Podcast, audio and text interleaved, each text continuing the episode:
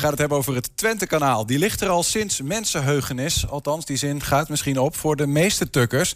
Maar niet voor Walter Tunter en voor Marinus van Rooij. Beide mannen zijn namelijk ouder dan het kanaal tussen Zutphen en Enschede. Komende donderdag wordt de 85ste verjaardag van het Twente-kanaal gevierd... met de vertoning van een nieuwe film getiteld... Het Twente-kanaal en de geschiedenis van de Overijsselse waterwegen. Walter Tunte die is uh, de regisseur van die film... en Marinus van Rooij uh, die stond hem bij als historicus... met raad en daad, maar ook als helemaal. Uh, een nabestaande van een van de bouwers zelfs nog. Ja, ja. Komen we uitgebreid op welkom, heren. Fijn dat jullie er zijn. Um, even met de gedachte terug, uh, Marinus. Uh, de opening van dat kanaal. Donderdag 85 jaar geleden. Hoe zag dat eruit? Ja, dat is hier dus in Enschede geweest. Dat was dus de opening van het gedeelte vanaf de IJssel, zeg maar van bij Zutphen, tot aan Enschede. 26 augustus, dus 19... 36 was dat dan, ja.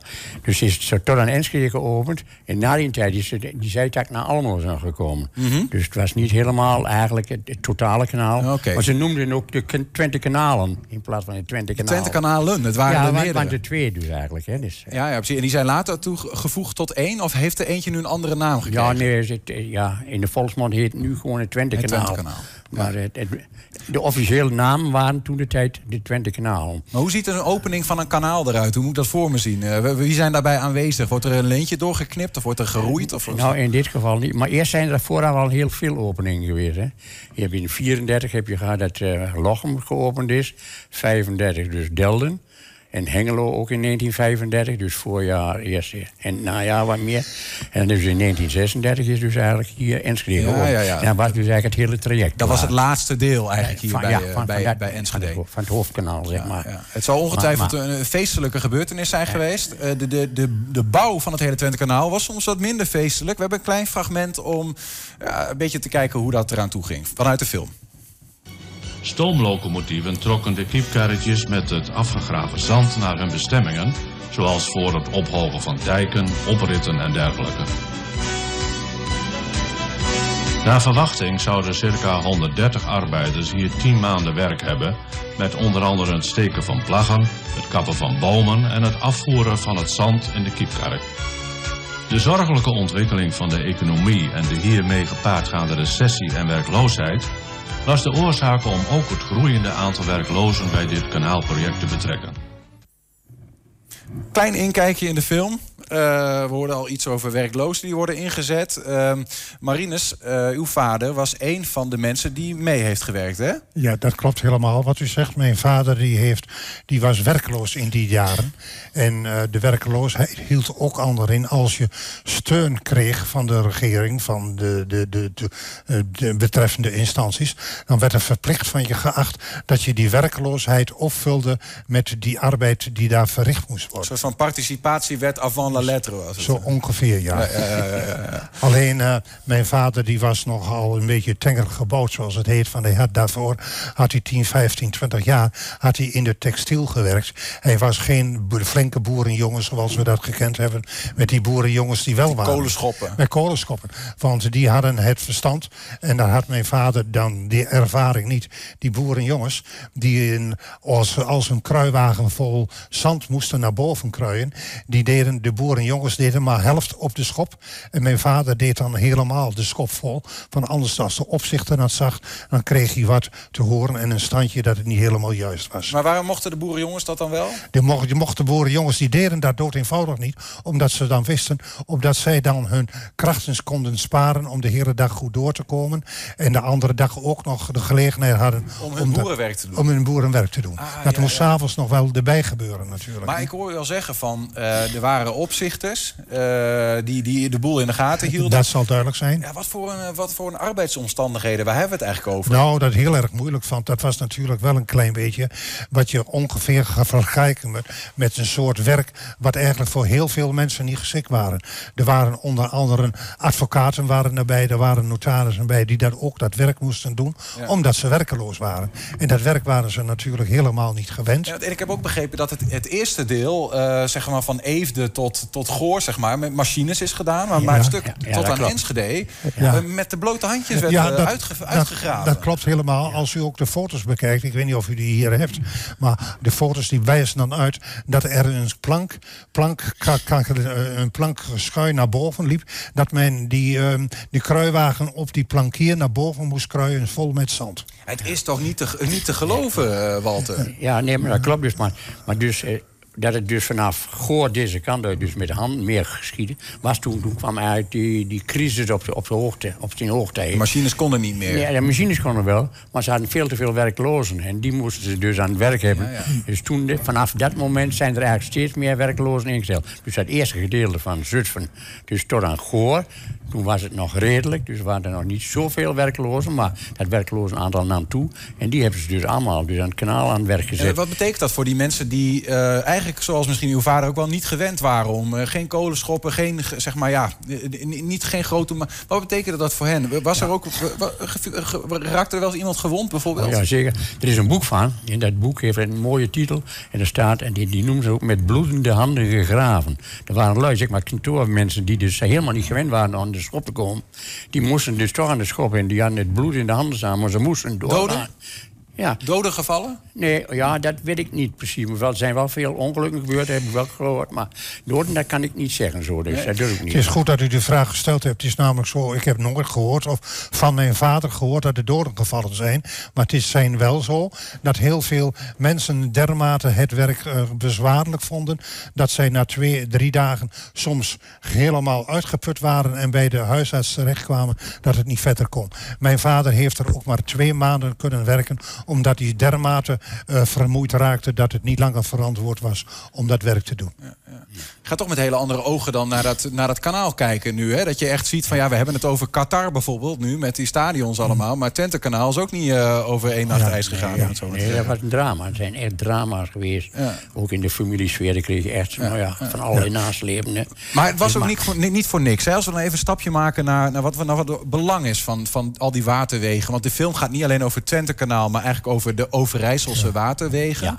Eh, in die tijd, waarom werden die eigenlijk allemaal aangelegd? Nou, het is, eh, die zien, vanaf 1800 zeg maar, heeft de textiel zich in Twente ontwikkeld. En daarnaast dus ook de metaalindustrie, dus die kwam ook uit. En dus door die textiel, die had dus behoefte aan toevoer van grondstoffen. van die, hè, en dus weer afvoer, maar ze moesten er ook kolen bij hebben. Voor, voor, voor het stoken van, eh, de, van later, maar dat kwam eigenlijk later pas. Een beetje later, maar voor de, zeg maar, dus, eh, stoken van, de- voor de stoomketels enzovoort. Ja. Dus, maar, dus er kwam dus meer behoefte aan transport.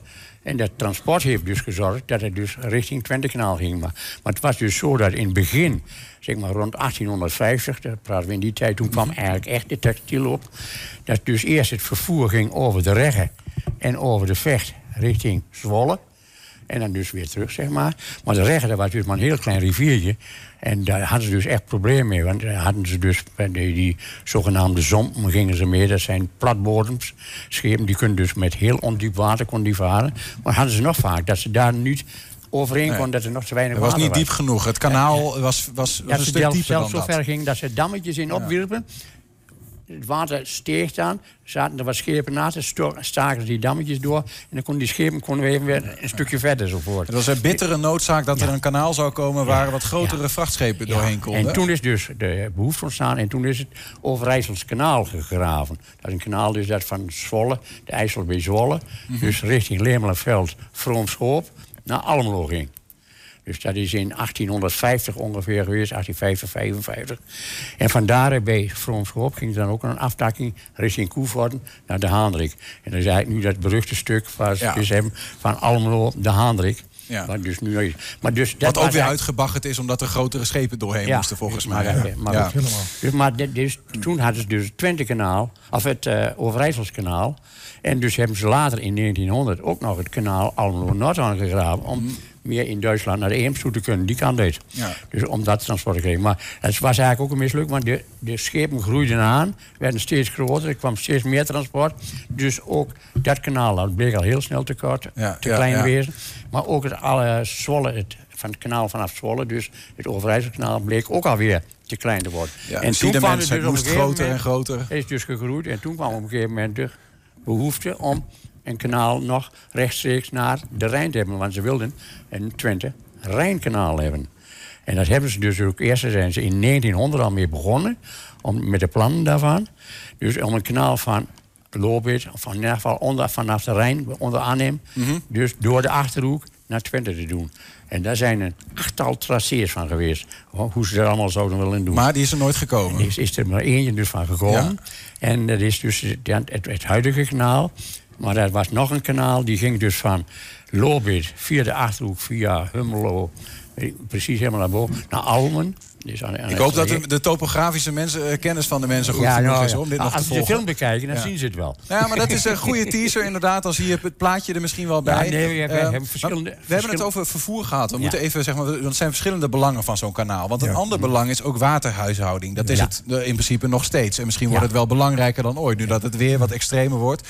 Eh Marines, daar heeft u zelf ook wel mee te maken gehad, geloof Ja, ik. dat hè? klopt helemaal. Ja. De waterhuishouding die niet zo goed op orde Nou, was we soms. moeten natuurlijk niet vergeten dat eh, Hengelo een 7 meter beneden de, het pijl van Enschede ligt. Dat kunnen we zien bij de sluizen bij Waarbeek daar. Wanneer we die sluizen bekijken daar op het merendelingbord, dan blijkt namelijk dat men in die, in die, die bekken daar, dat men het water 7 meter omhoog moet brengen om het gelijk te krijgen met de richting Enschede.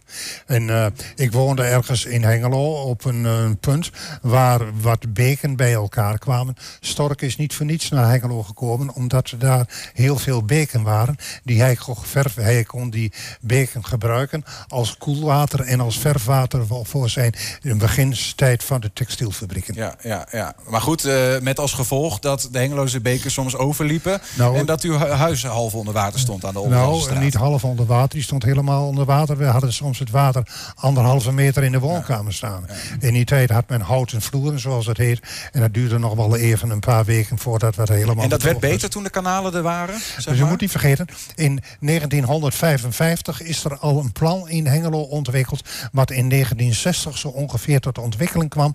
om de beken buiten Hengelo op te vangen. en dat men omleidingsbeken maakte. Ja, daar, ja. Onder andere bij het Lonnekermeer daar in de buurt. Bij de eh, Huitingsveldweg. Ja, daar is dan een omleidingskanaal gemaakt, eh, beek gemaakt. zodat die beken die buiten Hengelo aankwamen. daarin opgevangen werden. en dat al dat water niet door Hengelo heen kwam. wat niet verwerken kon door de smalle bekking die daar was. Daar is overigens ook een film over gemaakt. Daar heeft u zelf ook een film over Wat, gemaakt. dat is voorloper van deze Ja, film ja, precies, ja, ja. Dus helemaal over de beken van Dus die, die, hebben we nog een keer te goed. Die kunnen we ook nog een keer bekijken. Ja, nee, dat, mag wel dus. Dat is, Ja. dat is heel ook interessant. Hoe, de hele ontwikkeling wat hij vertelde, dus hoe dat ging. Dat Hengelo van onder water nu helemaal droog is Ik geworden. wil nog even naar het pro- proces van, van deze film. Hè? De film met de titel eh, Twentekanaal en de geschiedenis van de Overijsselse waterwegen. Ehm, want ook, eh, zoals het, ik wou bijna zeggen, zoals het bouwen van het kanaal een heel proces was, eh, was die film was dat ook. Want volgens mij was de oorspronkelijke bedoeling dat hij drie kwartier zou duren. Ehm, Maar hij, hij duurt nu anderhalf uur. En het, is ook niet, het, is ook best, het heeft best wel een tijdje geduurd, hè? Ja, ja, nou, ik ben er anderhalf, ja, ja, anderhalf jaar mee bezig geweest. Dus. Maar goed, het is dus een film die, die is eigenlijk ontstaan. Ik zit, even, dan maak ik even een stukje geschiedenis misschien, maar, of historie. Ja, we hebben nog Ik heel zit Bij, kort. de- bij, de, bij de filmclub, videofilmclub Hengelo. Mhm. En daar ben ik dus, zit ik ook weer. En met die videofilmclub hebben we dus alles films gemaakt. Leden individueel. En ook, ik geef wel met groepjes bij elkaar. Het zijn allemaal vrijwilligers, die hebben samen Ja, deze ja, film gemaakt. Ja, dus de, laat ik zo zeggen. Ik had dan wel de, het leeuwendeel misschien. Maar in wezen er zijn natuurlijk een hele hoop mensen die geholpen hebben. Maar toen het idee dus Hoeveel ontstond- mensen zijn dat? Hoeveel mensen hebben daar meegewerkt ongeveer? Nou, in eerste instantie had ik dus toen het idee, met dit idee kwam van deze film. Dat was eigenlijk naar aanleiding van die bekenfilm waar we het net over hadden. Dus, eh, maar toen kwam dus dit idee naar boven en eh, dat zou ik dan dus aanpakken. Maar toen heb ik dus een groepje gemaakt van vijf personen die me zouden helpen. Met camera, met opnamewerk allemaal en zo. Die dus niet, niet de regie deden, maar voor Ja. wel alle opnamen. Er zijn er dus twee van afgevallen. Die wegens, één wegens ziekte en de andere wegens andere omstandigheden. Maar er bleven er drie over. En die hebben dus heel veel met die opnames gedaan. Zelf ben ik wat minder mobiel, dus ik kon dat allemaal niet, eh, niet redden. Maar goed, in ieder geval, dus dat Er ging staat prima. genoteerd. Dat, dat- dan is het maar genoemd, hè? Dat, Ja. dat dat een productie is van veel verschillende mensen. Ja. Wa- wa- Wat, wat, hopen we eigenlijk dat die film... Wie moet die film kijken? En Nou, het is heel erg belangrijk dat u die vraag stelt. Want dat kan kan ik dan even zeggen. Uit betrouwbare bron heb ik vanmiddag vernomen dat die film in totaal 72 minuten duurt. En de 96. 96. Ja, ja, ja, ja. Oh, Gewoon al 96. Nou ja, vooruit. Dan moeten we nog even... Ben- ben eh, misschien is er, zijn er twee verschillende bewerkingen. Dat kan. Nou ja, goed, dan, dan, ben- dan ben ik er een Maar, paar minuten verder. Maar goed, maar heel erg belangrijk is die film... dat die, die film vertoond wordt onder andere op verschillende situaties. En onder andere zijn er al plannen om die film te gaan vertonen... in het Historisch Museum in Hengelo, aan de Beekstraat. Ik heb er vanmiddag ook vanmorgen met iemand over gesproken... en dat is wel de bedoeling, wanneer de anderhalve meter afstand en dat er meerdere mensen niet in Ja. zaal kunnen. Dus hij is nog te zien. Als we nu denken van, oh, ik wil hem ergens zien. Hij is nog te zien. Hij Ja, ja. zal in de toekomst Ja. zeer zeker te, Ja, te hij wordt zien. ook door Ja. 120 uitgezonden. Ja. Dat is dan ook maar. eh, maar dat, dat komt nog. Dat gaan we ook aankondigen als dat Ja, gebeurt. Eh, dat staat dan ook maar genoteerd. Ehm, ja, eh, we- zijn er eigenlijk wel. Ik ben misschien dan een, een laatste vraag. Ehm, Walter, is dit nou je. Eh, opus Magnus, is, dit al, is, is het nu is het gedaan of heb je eigenlijk nog plannen voor nieuwe films? Nou, ik, eh, ik had gezegd toen ik op het laatst van die film was... dat ik zeg, ik stop ermee. Hè. Ik ben inmiddels om leeftijd dat het dus ook allemaal niet, niet gemakkelijker meer gaat. Maar aan de andere kant stilzitten kan ik ook niet. Dus Oh, misschien mag ik we, daar we hebben iets- nog een idee om, om toch nog iets te doen. Dus. Misschien mag ik daar even op antwoorden. Een laatste maar woord. heb, heb ik natuurlijk met Walter over gesproken. Walter heeft in zijn achterhoofd zitten dat hij eh, een film misschien gaat maken over het huis Hengelo, wat uit de 14e, 15e eeuw is. Want ik heb daar namelijk twee maanden geholpen, een aantal jaren geleden, om die fundamenten die onder de Rijkstoezicht van, de geme- van, van, van, van staan, Rijks, eh, Rijksmonumenten staat, Ja. om die op te graven en daar een verhaal over Kijk, te maken. Huis Hengelo, dat was het eh allerprilste begin geloof ik, hè, waar nu Teamsbrug zit. Dat zal natuurlijk Ja, en helemaal dan woon ik maar vijf minuten meer vanaf. Nou, we weten er alles van. Eh, bedankt heren voor dit eh, verhaal. Doet geen recht aan de film. Ga die vooral kijken. Het Twentekanaal en de geschiedenis van de Overijsselse waterwegen. Ehm ga het even googlen, dan vind je vast hoe je dat eh, kunt kijken. Ehm, Walter Tunte was bij ons en Marinus van Rooij. Bedankt. Graag gedaan. Graag gedaan.